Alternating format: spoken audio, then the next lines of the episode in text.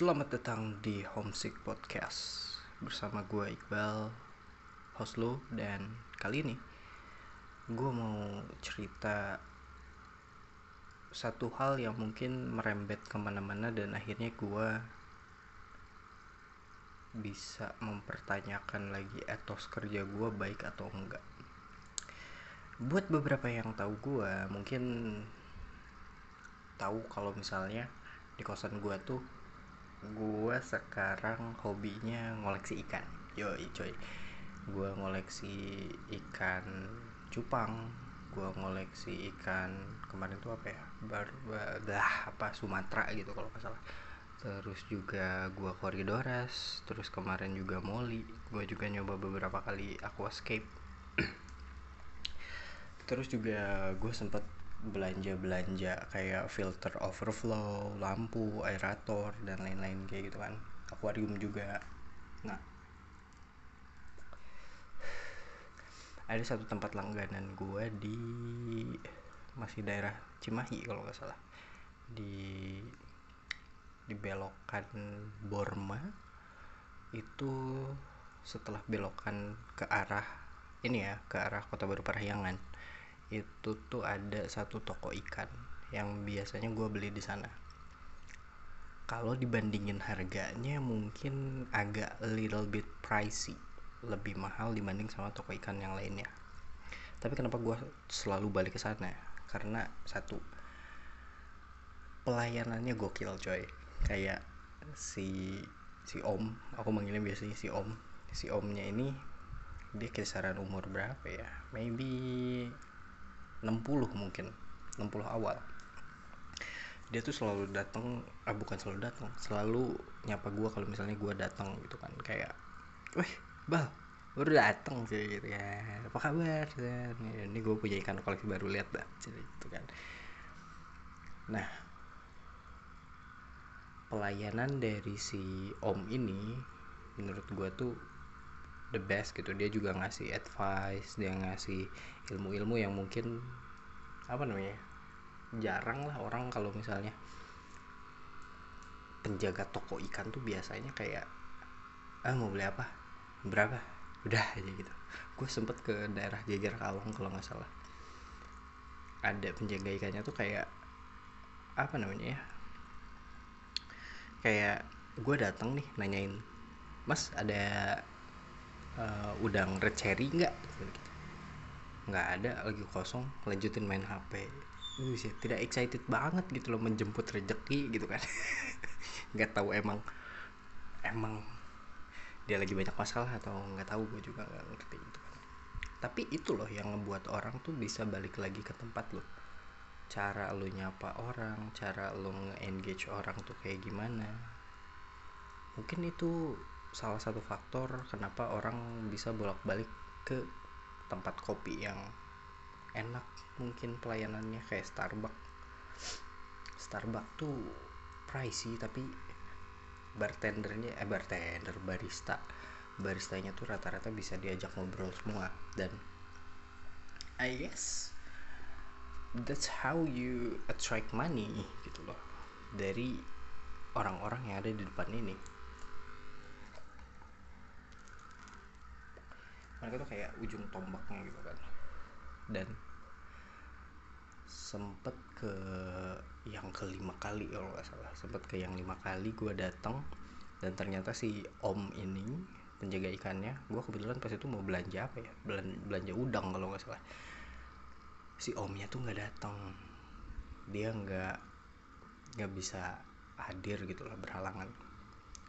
Yang ada tuh nggak tahu anaknya nggak tahu apa ya nggak tahu anaknya nggak tahu pegawainya. Dia tuh kayak kurang excited gitu loh kayak gue jadi males gitu gue jadi males akhirnya gue gak jadi beli. Gue cari toko ikan yang lain di daerah yang mau ke Cimahi Mall lewat Alfamart. Nah situ ada tuh cici-cici. Cici-cici sama abang-abang dia jualan ikan toko ikan gue masuk sambut. Nyari apa bos? Wah panggilan pertamanya udah bos gitu kan. Gue belum beli aja udah dipanggil bos gitu. Kan udah gitu. Nyari udang nih gitu. oh ini ada. Ada red cherry ada yang yellow juga ada. Sok dipilih aja. Berapa harganya? Seribu. Wah udah murah sapaannya enak. Gue coba buat nanya-nanya lagi kan gue nanya-nanya seputar soal ikan dia ngasih sarannya kayak gini-gini. Dan gaya bicaranya tuh kayak kayak kakak ke adik gitu loh. Dia tuh memposisikan karena mungkin ngelihat gue dia lebih muda dia tuh memposisikan kayak kakak ngomong ke adik tentang satu hobi gitu loh. Jadi kan enak tuh. Gue nggak nge sejam gue ngobrol di sana kan sejam gue ngobrol di sana yang awalnya gue pengen belanja cuma udang doang gue jadi belanja yang lain-lain. Karena excited. Apa gue yang gampang kepikiran ya? Atau gue yang gampang terasut nggak tahu juga pokoknya enak aja. Jadi karena pengalaman gue yang jelek sama si anaknya si om atau pegawainya si om kita sebut pegawainya si om aja lah. Pegawainya si om gue jadi pindah ke tempat lain nih. Gara-gara satu itu aja. Soalnya gue nemu toko ikan yang lebih murah. Terus gue juga dapet pelayanan dan ilmu-ilmu yang mungkin gue nggak dapet di tempat lain. Terus juga kejadian itu ngomongin soal ikan ya. Gua udah berapa bulan yang lalu ya tiga apa empat? Tiga atau empat bulan yang lalu gua memutuskan buat ganti motor. Nah buat teman-teman yang nggak tahu motor pertama gue itu adalah motor Honda Beat.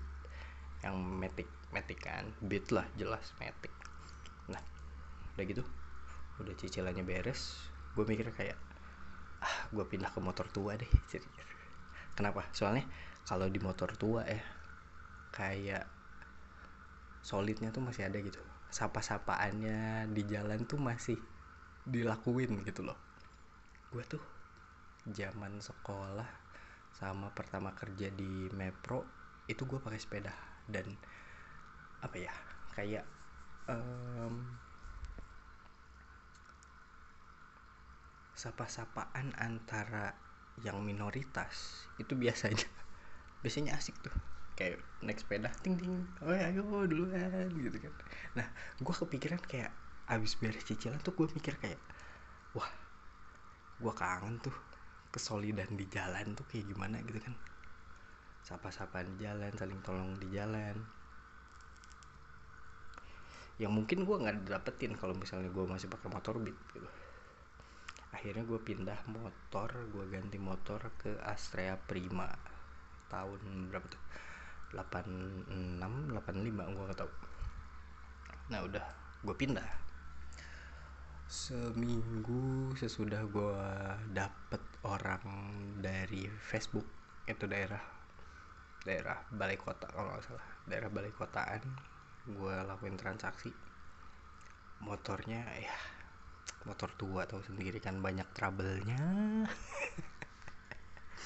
Dan itu kerasa tuh kayak gue sempet karena apa ya motornya udah tua nih. Terus si pelampung bensinnya tuh buat indikator di speedometer yang kayak gitunya itu tuh udah nggak jalan gitu kan. Si indikator bensinnya tuh udah nggak jalan. Dan gue nggak tahu tuh level bensinnya tuh udah segimana. Dan akhirnya sempet habis tuh bensin habis bensin tak tak tak. Gue habis lagi manasin aja gitu manasin motor jalan-jalan gitu keliling-keliling malam-malam. Das nggak malam sih sore ya. Jam setengah tujuh kalau nggak salah. Sesudah sholat maghrib gue jalan-jalan keliling-keliling ke arah 23 Pascal. Nah gue mati itu di lampu merah. Deng deng deng. Waduh bensin habis nih. Gitu kan udah gitu gue mau coba buka joknya buka jok motor dong. Ternyata tidak bisa. Nggak tahu macet nggak tahu selek nggak tahu deh. Dari itu tuh kenapa gitu. Aduh ini bensin habis tapi nggak mau dibuka ininya. Aduh gimana ini? Gue ke pinggir aja kan. Gue ke pinggir. Ada pengendara Honda C70 yang ngedatengin gue nggak ada lima menit nggak ada lima menit gue di pinggir jalan tiba-tiba datang pengendara C70 itu. Kunaon ah dengan Sundanya dan juga tak-taknya yang lemes gitu ya. Kunaon ah duka ah iya teh. Nggak tahu ah ini juga kayaknya bensinnya habis cuman saya nggak bisa buka ininya nggak bisa buka bagasi. Dia coba kan dia coba buka bagasi wah iya ini mah kayaknya bensinnya habis tapi susah dibukanya. Toh saya tuh habis step kernya step tuh kayak ngebantu ngedorong gitu kan. Ngebantu dorong ke tukang kunci motor. Bukan kunci motor kunci duplikat. Kunci duplikat. Sama dia dioprak aprik kan biar bisa dibuka lagi. Jas udah tuh udah bisa dibuka. Itu tuh kejadian habis bensin gua tuh udah berapa kali ya? Tiga kali kalau salah. Dan nggak ada lima menit lima menit acan gitu tiba-tiba ada yang ngebantuin tiba-tiba ada yang nyamperin kenapa? Ah ayo saya bantu step gitu kan. Nah kemarin tuh yang agak sebel. Motor gua tuh pas di Bandung pas mau lebaran si buat step naik giginya tuh dia ngelos dia udah aus kayaknya dia udah slack udah habis. Terus gua ke bengkel kan gua ke bengkel.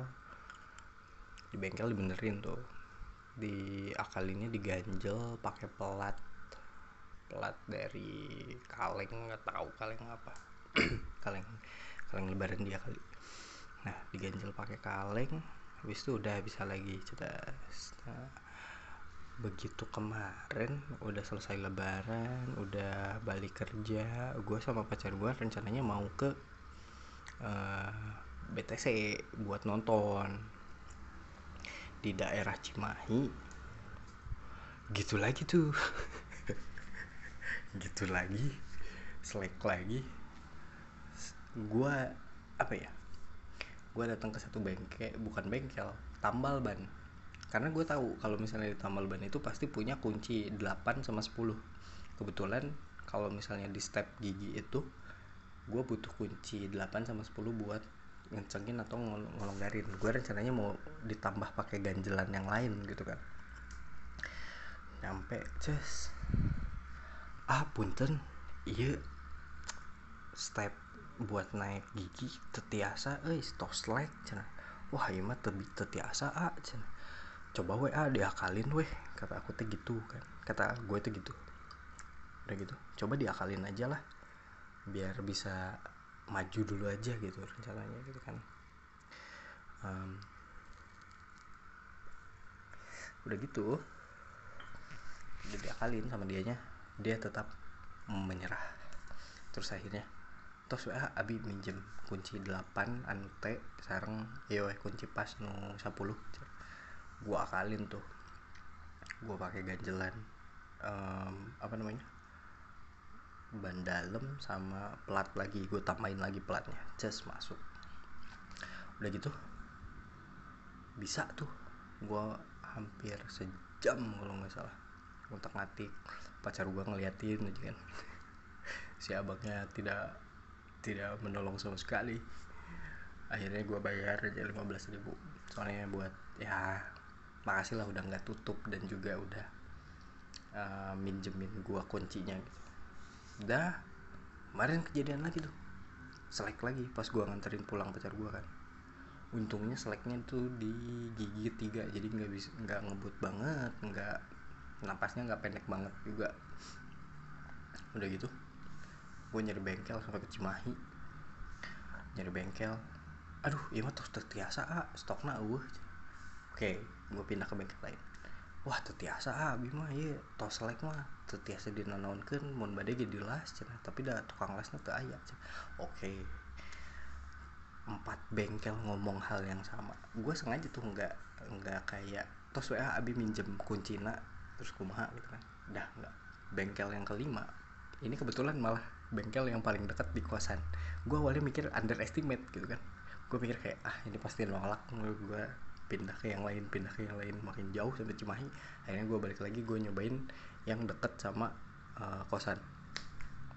Nyampe just kebetulan bengkel ini tuh bengkel yang dipakai buat rata-rata orang nge-custom motor trail tuh di sini. Custom motor motor trail dan mereka juga montir-montirnya sering balapan juga balapan trail yang kayak gitu. Dan gue juga ngelihat ada jajaran-jajaran piala gitu kan udah gitu gue datang kenapa ah ini kan giginya selek. Aduh stoknya nggak ada eh, ah, paling diakalin diganjel mau. Uh, ini langsung nih. Ini orang pinter. Ini orang pinter. Ngejemput rezeki mau ah cina. boleh boleh. Sok we ah cali kala we siap. Gue ceritain aja kan gue ceritain uh, ini tuh seleknya di mana terus kayak um, apa namanya? Gua ngakalinnya gimana? Gua tambahin plat gua tambahin gua tambahin ban dalam pas kemarin tuh. Terus si montirnya bilang oh coba ini saya akalin pakai kabel kuplingnya hanya ini mah awet biasanya terus rata-rata GQ mohon. Terus gue juga ngomong kan ah gaduh murnu iya tuh ah, baut nu nu agak saya gitu nu panjang nomor 8 buat ini. Oh ada baut. Udah WA cobain yang bagus aja sekalian kata si Anya teh. Daripada selek-selek lagi kan aus lagi ntar susah ngencenginnya lagi cah oh ya boleh ah udah aja nah kesimpulannya tuh kayak kalau misalnya lu mau ngejemput rezeki ya lu tuh harus muter otak lu gitu loh kayak jangan apa-apa kayak langsung nyerah dengan masalah yang lu hadepin gitu loh kayak kayak montir-montir yang sebelumnya gua temuin kayak dia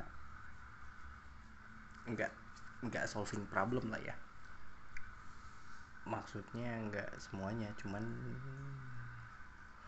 kayak even kalau misalnya lu nunjukin usaha dulu untuk ngakalin gue udah appreciate kok. Nggak harus sampai kayak apa namanya harus jalan dulu gitu loh. Bahkan dipegang pun ini enggak mereka langsung nolak nolak nolak. Akhirnya customer kan pindah ke tempat yang lain kalau gitu caranya kan.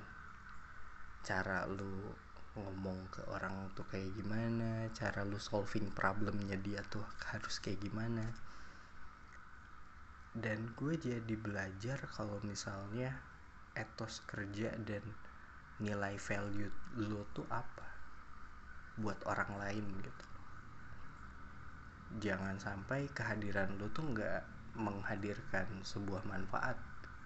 Jangan sampai lu ada di sana tuh nggak ada ngaruhnya apa-apa kehadiran lo tuh tidak menggenapkan sesuatu dan ketidakhadiran lo tuh nggak mengganjilkan sesuatu gitu loh. Dan itu dinilai dari apa?